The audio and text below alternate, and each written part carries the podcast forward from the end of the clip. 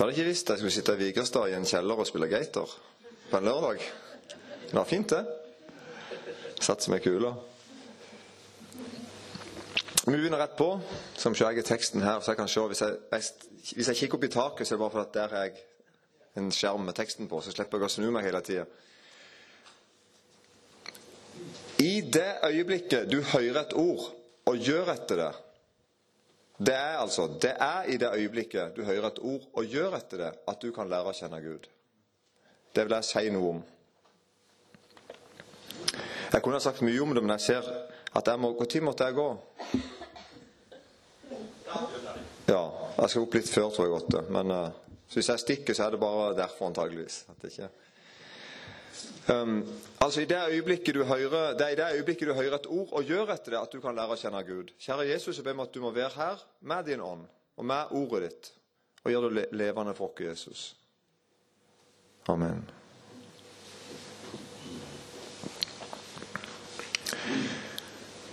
Vi kan ikke tenke oss fram til Gud, på en måte resonnere oss fram til Gud. Vi kan ikke innbille oss at vi tror. Eller vi kan ikke forestille oss om at vi er overbevist. Du kunne ha sagt flere sånne ting, men du kan mer på hva jeg prøver å påstå. Så jeg skrev i parentes eller med liten skrift 'Grill en kristen?' spørsmålstegn. For i kveld skal jeg opp og så bli grilla blant ungdommen, og det setter jeg egentlig ganske pris på å gjøre. Det som jeg allikevel har lagt merke til, det er at eh, det er ganske langt imellom de folkene jeg har møtt i Norge, som på en måte har diskutert seg fram til et liv med Gud. Jeg vet ikke om du har tenkt på det, du? Det er, ikke, det er ikke veldig vanlig. Jeg, jeg, har sett, jeg har lest noen vitnesbyrd av noen som på en måte har vært ateister, f.eks., og så sett seg ned med, med gode kristne og, og, diskutert og samtalt og på en måte resonnert seg fram nærmest. Og blitt overbevist på den måten.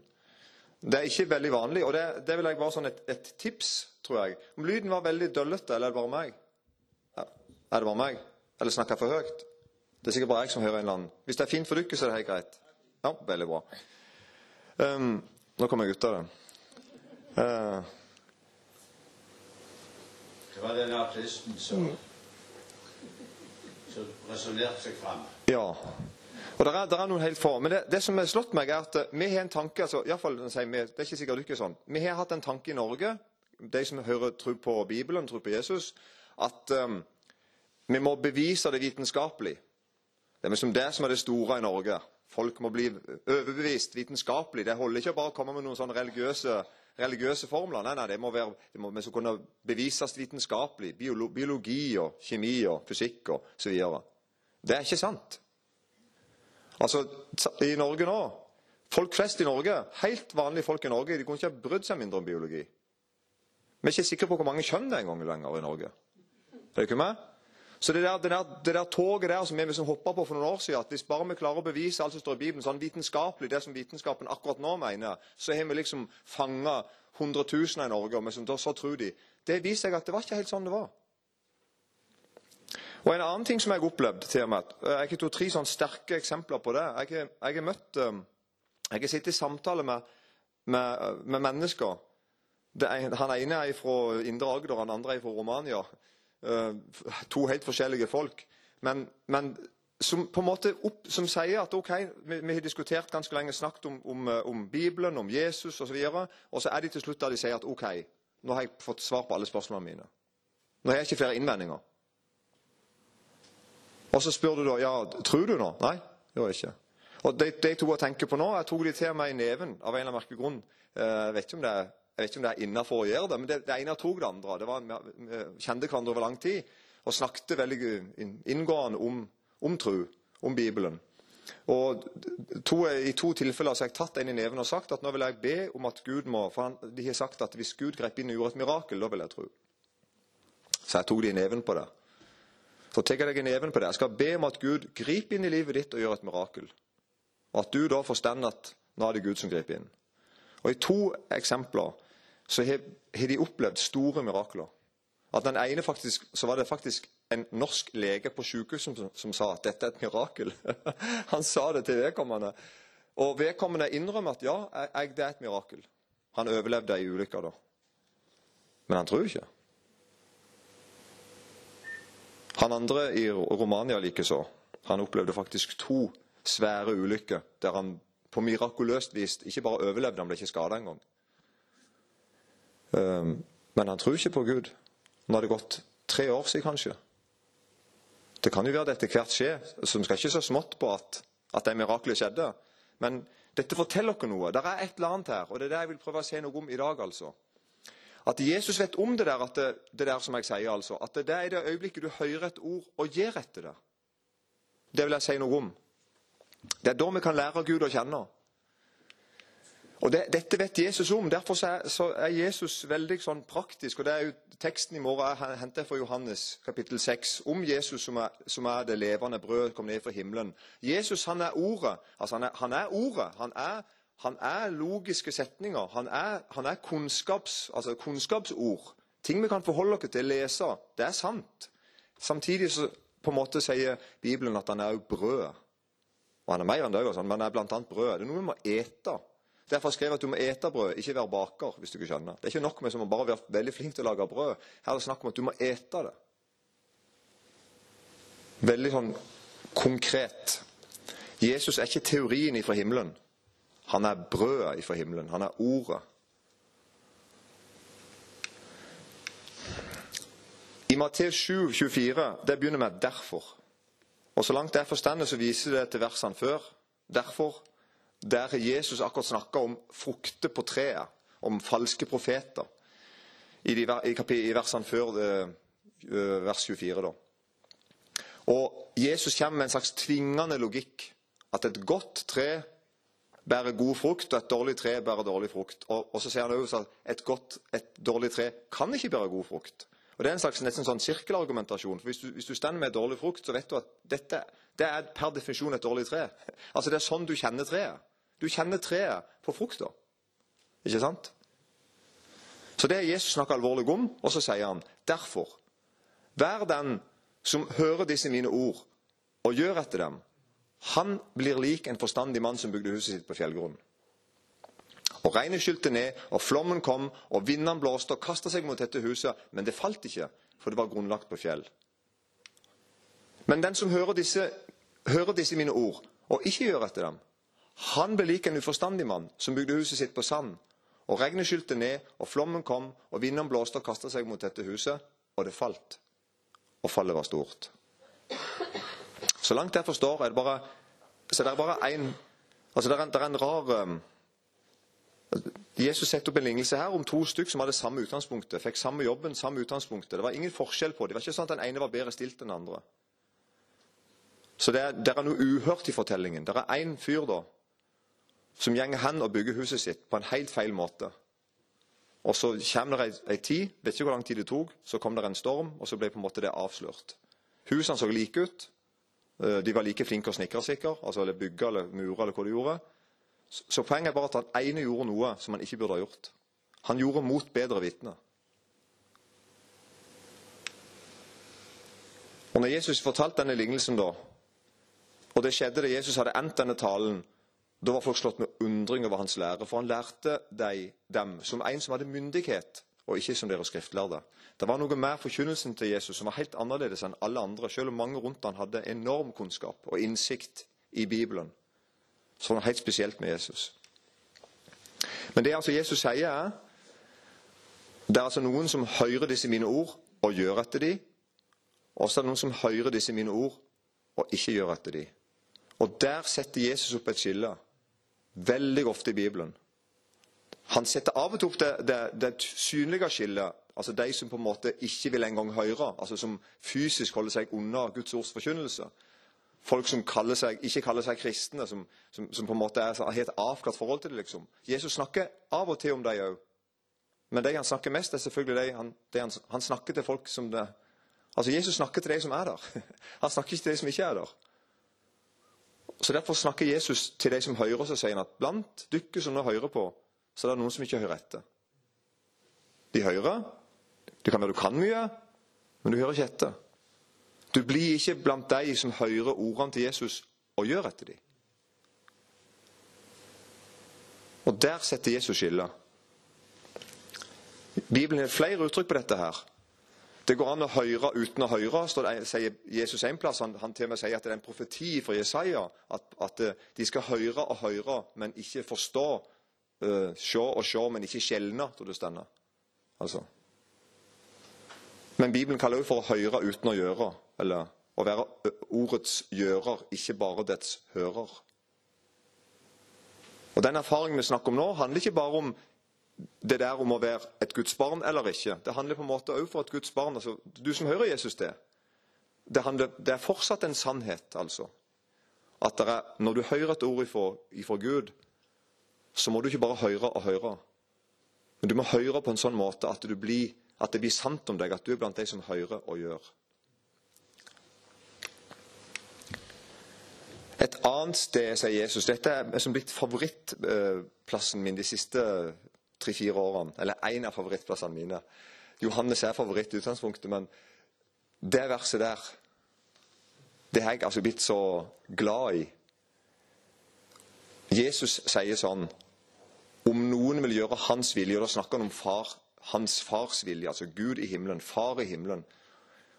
Om noen vil gjøre hans vilje, da skal han kjenne om læren er av Gud, eller om jeg taler meg sjøl.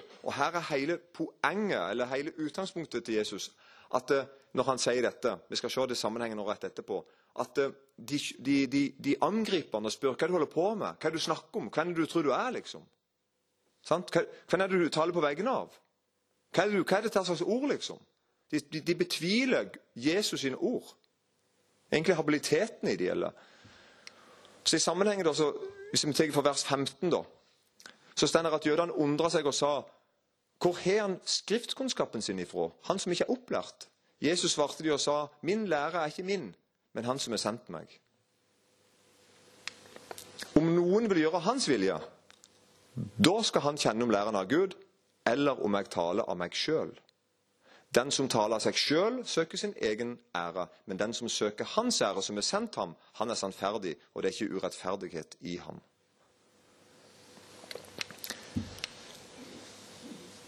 Det verset der Hvis ikke jeg Jeg har iallfall lest en del kommentarer og folk som har greia på det. Og det, det ordet 'kjenne' som jeg uthever med litt stor skrift der, det er altså Det ordet der det er et veldig sterkt og intimt ord. Altså Det å kjenne noe, det er på en måte, det er mer en, det er ikke en tom kunnskap. Det er, en, det er egentlig et ord som rimer på erfaring. Eller at du, at du har opplevd det, du har erfart det, du har kjent det. Ikke sant? Det er ikke bare sånn at du vet et eller annet. på en måte. Det er, det er noe nært hos deg. Jeg kjenner det. Og Jesus påstår altså at det går an å kjenne om læreren av Gud. Det er poenget mitt. Jesus påstår at det går an å kjenne at læreren av Gud. Altså erfare det, oppleve det. Ikke bare vite det som en slags tom, teoretisk sånn frase eller dogme eller noe. Og Jesus setter, setter hele seg inn på dette og sier at det, er sånn du skal faktisk det er sånn du skal sjekke at ordene mine er Guds ord.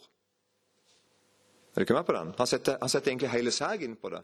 Vi skal se litt senere i Johannes 14, da går han enda lenger og sier at det er ikke tomme ord jeg holder på med. Det er ikke teorier, det er ikke, det er ikke, bare, det er ikke tomme ord. Det er ikke, det er ikke noe menneskeverk. Det jeg holder på med, er fra Gud, og det er liv og kraft i det. Og Da sier altså Jesus at eh, hvis du, hvis vi skal overføre dette tokket da, hvis vi, vil, hvis vi sitter her og sier at ok, jeg, vil, jeg har lyst til å kjenne at læreren er for Gud, hva må vi da gjøre da ifølge det skriftstedet? For da er vi inne på det høre og gjøre. Jo, jeg må gjøre hans vilje.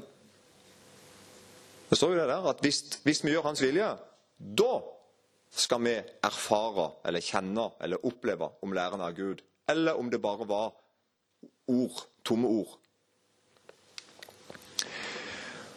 Og nå skal jeg eh, for eh, noen år, det var, det var, da jeg ble glad i dette verset. Jeg lå en natt og fikk ikke sove hørte på en podkast fra 70-tallet. Det var Øyvind Andersen som, eh, som, hadde undervisning på Fjellhaug, tror jeg. Jeg tror det var sånn sjelesorgtime på Fjellhaug. Øyvind Andersen døde på sent 90-tallet, 97, tror jeg. Og ganske kjent. Han er, han er forfatter og vært ja, ganske kjent i Fjellhaug og i Misjonssambandet. Øyvind Andersen. Um, jeg kommer bare til å kalle han for Øyvind kanskje etter hvert, ikke for å være uærbødig med han, men Men dette fortalte han da, om dette bibelverset. Så fortalte han at en gang på Fjellhaug, på en, på en bibelskole, så kom der altså en ateist på, og oppsøkte han og sa 'Jeg vil snakke med deg'. Og så sier Øyvind da 'Er du sikker på det?' Jeg er liksom ikke ateist, for å si det sånn. Han var forresten marxist i tillegg, da. Men, eh, men eh, Nei, han, nei, jeg vil snakke med deg. Så sa Øyvind, Øyvind Andersen at Ja, det kan ikke være lett, sa han til han her. Så sa han hva da? Nei, å være ateist. Altså det å, ikke, å, å tenke at ikke det finnes en gud, det betyr ateist. ikke sant? At ikke det finnes en gud. Så sa Andersen at det kan ikke være lett og ikke tro på det. Så svarer han nei, det var ikke det. Det var faktisk ganske vanskelig. Han hadde en del ball med det, um, å være ateist. Og det var det han ville snakke med han om. Og så spør han da Øyvind Går det an å bli overbevist om Gud? Og Dette her hørte jeg da på podkast, eller holdt på å sovne. Og så, og så hører jeg så tenkte jeg oi, hvordan svarer Øyvind Andersen nå? Så svarte han ja. Og jeg tenkte hæ? Det har jeg lært Det har jeg lært i trosforsvaret, i, i apologetikken, at det, det, går ikke an. på en måte. Men Øyvind svarer han bare resolutt ja. Det går an. Men, sa han, du må først svare meg på et par spørsmål. Og Så gjenger han da, han ateisten med på det. Det hører med til historien at Jeg vet jo hvordan det gikk med han ateisten. Det sier Øyvind òg, at han ikke snakker med han etterpå.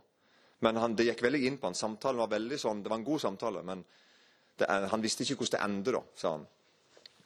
Og så tar han, bare sånn, nå skal jeg bare gjenta det veldig kort. Du har kanskje hørt denne fortellingen noen her òg. Sånn, sånn, fritt gjengitt. da. Det han gjorde, eh, Øyvind Andersen, var å si Hvordan vil du overbevise en blind mann om at der står et bord i rommet? Øyvind Andersen var blind sjøl. Hvordan vil du overbevise en mann, en blind mann, om at det står et bord i rommet? Og så svarer han artisten Nei, jeg hadde, bare sagt det. Det står et bord i rommet. Så sier Øyvind at ja, men det du Skal jeg liksom bare tru Skal jeg bare tru blindt på det, liksom?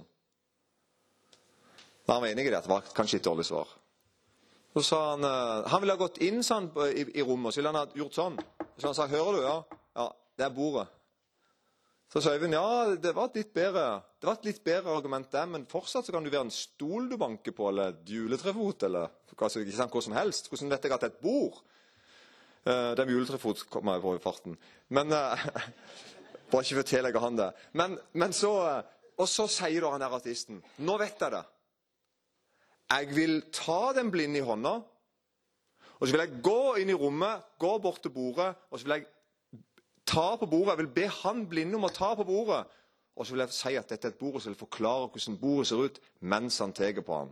Og så svarer Øyvind helt rett.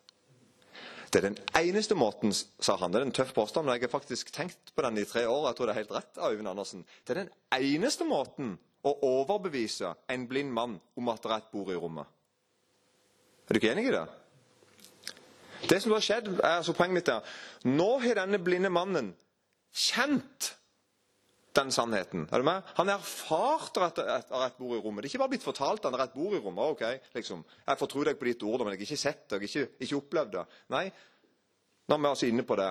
Og så går han videre like godt, Andersen. Uh, her er bilen min. Og så, uh, Den første jeg hadde. Så gammel er jeg. Og så, og så forteller han altså at det, det er omtrent sånn som hvis du skal til Trondheim, sier han. Så De står jo i Oslo på Fjellhaug. Og så sier han at hvis du er i Oslo og skal til Trondheim, og spør meg hvordan skal jeg komme der til med bil, så svarer jeg, sier Øyvind, følg E6. Jeg sjekket at det fortsatt var sånn, og det, det er fortsatt sant. Det er fortsatt E6 som går til Trondheim. Og så sier han nå til han ateisten da, at hvis du tar E18 og ringer til meg og klager på at du ikke kom fram, så vil jeg si at du kjørte jo feil vei. Jeg ba deg ta E6 nordover. Er du ikke med? Så banalt, eller så enkelt, legger da Øyvind Andersen ut dette skriftstedet. Og Så sier han da videre at hvis et menneske skal bli overbevist om Gud, så må du gå den veien som Gud beskriver. Du kan ikke bare sitte der, liksom. Er du ikke med på den? Du må, du må rett og slett, hvis, Når du hører et gudsord, samme hva det og samme hva det gjelder Nå, og som sagt, nå snakker vi ikke bare om det å bli en kristen, eller, men, men altså i alle, alle teologiske spørsmål, si, i alle forhold til Gud, så hører du et gudsord, og så må du liksom, du må gripe ordet. Ikke sant? Eller iallfall prøve å gripe det. Og så må du begynne å gjøre deg noen stakkarslige erfaringer. Vi blir leid inn til det bordet der og merker at nå, nå står Gud her og så beskriver han dette bordet for meg, som jeg ikke kan se, for, er, for jeg er ikke Gud. Og for det er, det er noe blindt foran øynene mine. Er du ikke med på den? Jeg syns det, det, er så bra. Og Dette har jeg sagt til mange ikke-kristne. Helt seriøst, og En del sånn som ikke vet om de er kristne. og sånn. Og Det gir altså så mening.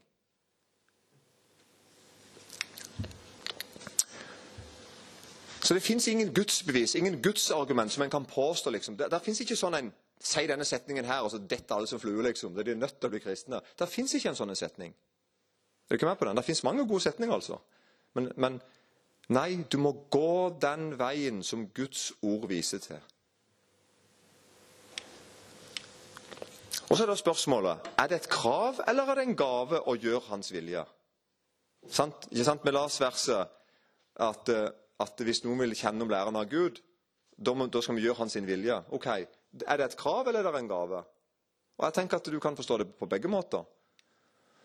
De fleste tenker at å gjøre hans vilje er å holde forskjellige bud og krav. ikke sant? Sånn, sånn tenk, tror jeg de fleste nordmenn òg ville ha tenkt. at eh, hvis, hvis, bedt, hvis jeg hadde bedt en nordmann om å holde og gjøre Guds vilje, så tror jeg de hadde tenkt at det er vel et eller annet bud og krav et eller annet jeg må slutte med eller begynne med. eller noe sånt. Ikke sant?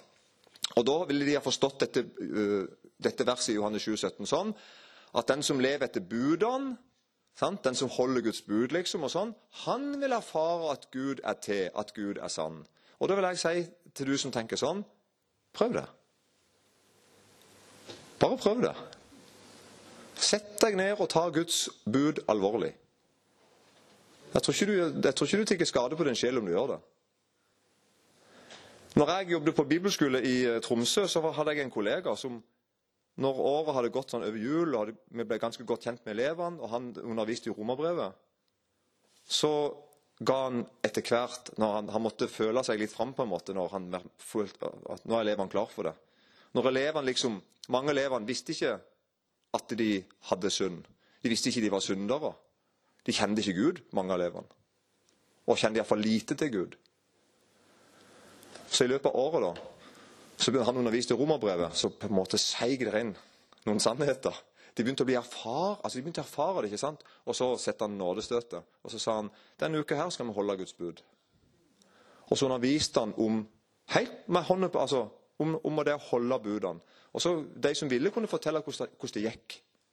Det de må sette av, sette av noen dager sånn helt sånn konkret. Og Da var det jo ikke bare sånn ytre sett, men sånn i tanker, ord og gjerninger. Og da gjorde mange elevene en erfaring. Ikke sant? Den erfaringen tror jeg mange her òg har gjort. Kanskje alle. Du vil, du vil erfare at Bibelen er rett. Ikke sant? Du vil erfare og kjenne at du er ikke sånn som Gud vil du skal være. Du erfarer at Gud er hellig, annerledes enn deg. Og dette har jeg lyst til å si.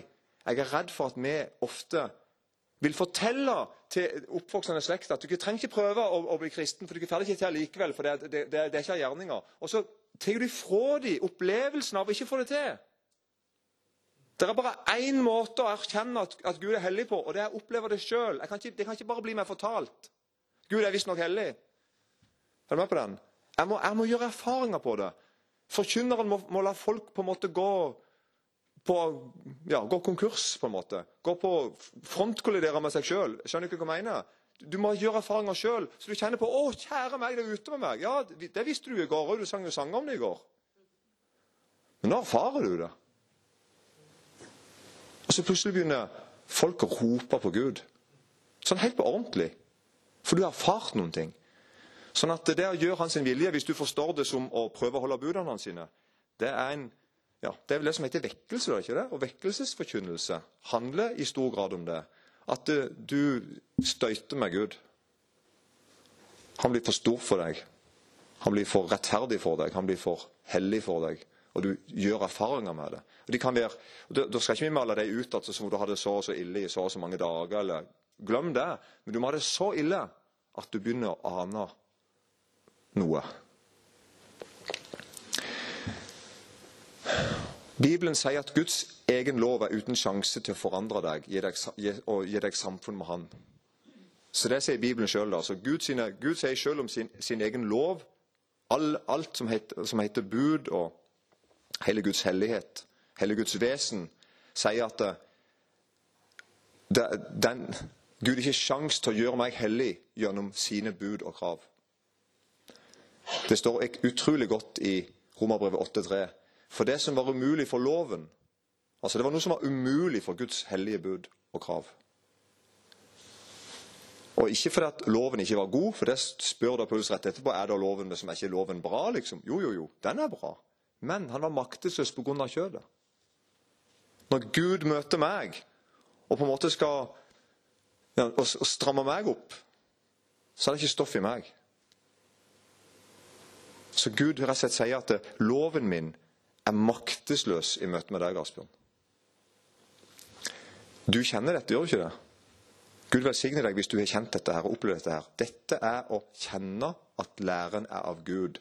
Nå er ikke du lenger i den gjengen som sier ah, moral og etikk og bla, bla, bla, og diskuterer hva som er rett og galt, og har sånn fiffig forhold til det. ikke sant? Og så kan du ha mening om hva du syns om Gud og hva du syns om Moses. og, og sånn. Nei, Nå er du plutselig blitt i en gjeng som har erfart at Gud er reell, og han fins, og han er annerledes enn deg.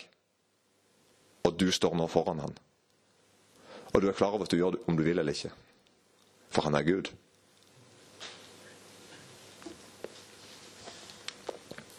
Men du må kjenne noe til. For det som var umulig for loven fordi den var maktesløs pga. kjødet, det gjorde Gud. Har du kjent det? Det som var umulig for Gud gjennom loven å gjøre med deg, det gjorde Gud. Når da? Da han sendte sin egen sønn i syndig lignelse for syndens skyld, og fordømte synden i kjødet for at lovens krav om rettferdighet skulle bli oppfylt i oss. Vi som ikke vandrer etter kjødet, men etter ånden. Så gjorde den erfaringen òg. Gud har frelst meg. Det ikke jeg fikk til, det fikk Gud til. Og saken er at Hvis du spør meg om hva er Guds vilje Hva er det Gud vil? Hvis vi, hvis vi, kunne, hvis vi skulle hatt meg som sete alene sammen med Far i himmelen og spurt Far, hva er det du aller, aller, aller mest vil? Hva er det du vil? på en måte? Hva er det du ønsker? Hva er det du brenner etter? Hva er det du higer etter?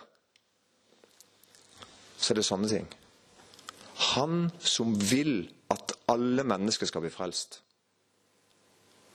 Det er, det er Guds vilje.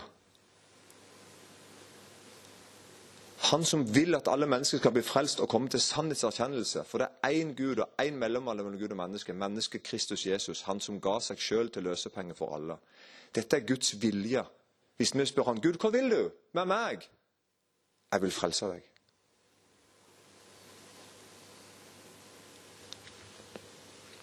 Jeg vil ha deg. Jeg vil være din. Jeg vil være, jeg vil være din alene.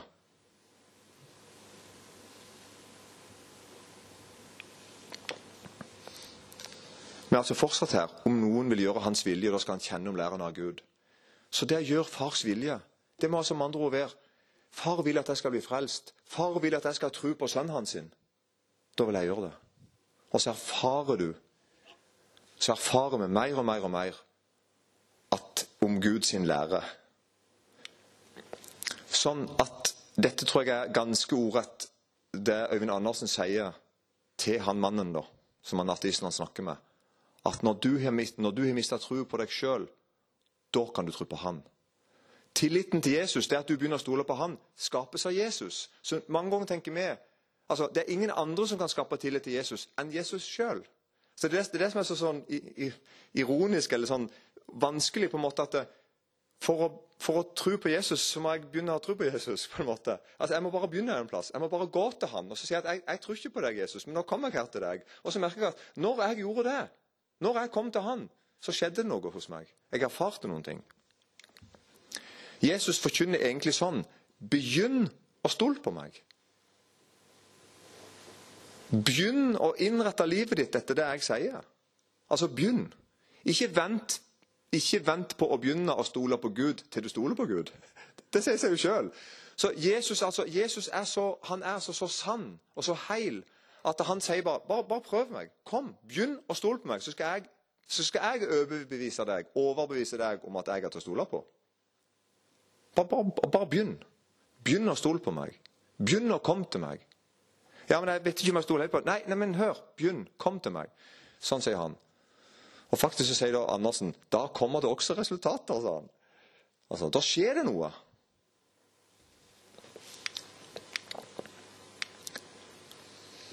Og Her ser vi i Johannes 14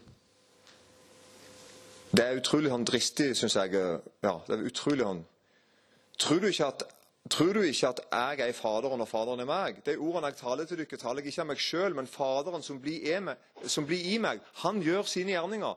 Og så sier han da Tro meg at jeg er Faderen og Faderen er meg. Om ikke for annet, så tro det for selve, for selve gjerningenes skyld. Så her som hørte Jesus liksom sier det er ikke bare ordet jeg får med. Det er kraft i det. Det, det virker det det nevner. Eller, ja, det skaper det det nevner. Så, så, hvis det er bare ordet jeg holder på med, så bare slutt å tro på meg. Men, men hvis du ser gjerningen, så kan du ikke slutte.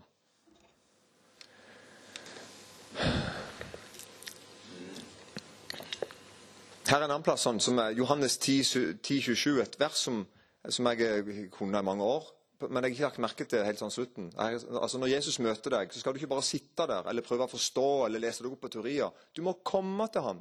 Og Her er det et godt vers, syns jeg, at Jesus sier at 'mine får hører min røst, og jeg kjenner de'. Og Så kommer det sånn en, en logisk setning til som er veldig viktig.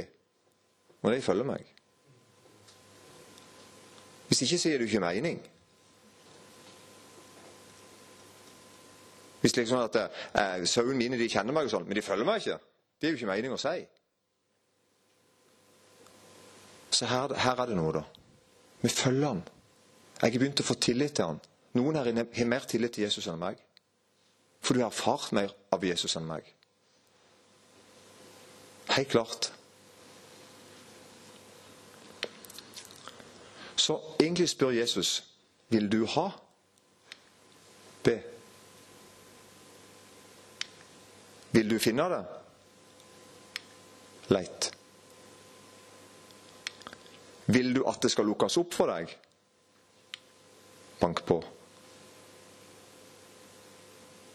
Det er egentlig sånn det verset er. Jeg tenker ofte motsatt. At når jeg begynner å få, da skal jeg begynne å be. Når jeg, når jeg begynner å finne, da skal jeg begynne å lete. Når dørene begynner å åpne seg opp, da skal jeg begynne å banke på. Men det er altså motsatt. ikke sant? Han sier be. Så skal du få. Leit, så skal du ikke finne. Bank på, så skal det bli lukket opp for deg. For hver den som ber, han får. Den som leter, han finner. Den som banker på, skal det bli lukket opp for. Utrolig dristig på en måte Jesus er. Setter hele seg inn i møte med deg. Han påstår liksom svære ting og, og sier 'prøv, kom, kom til meg'.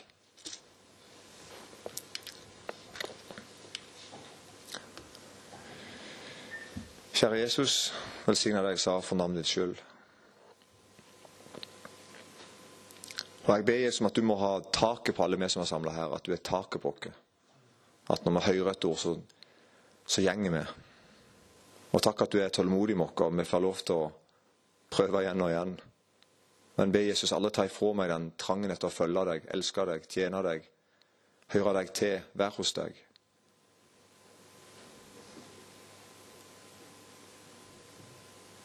Amen.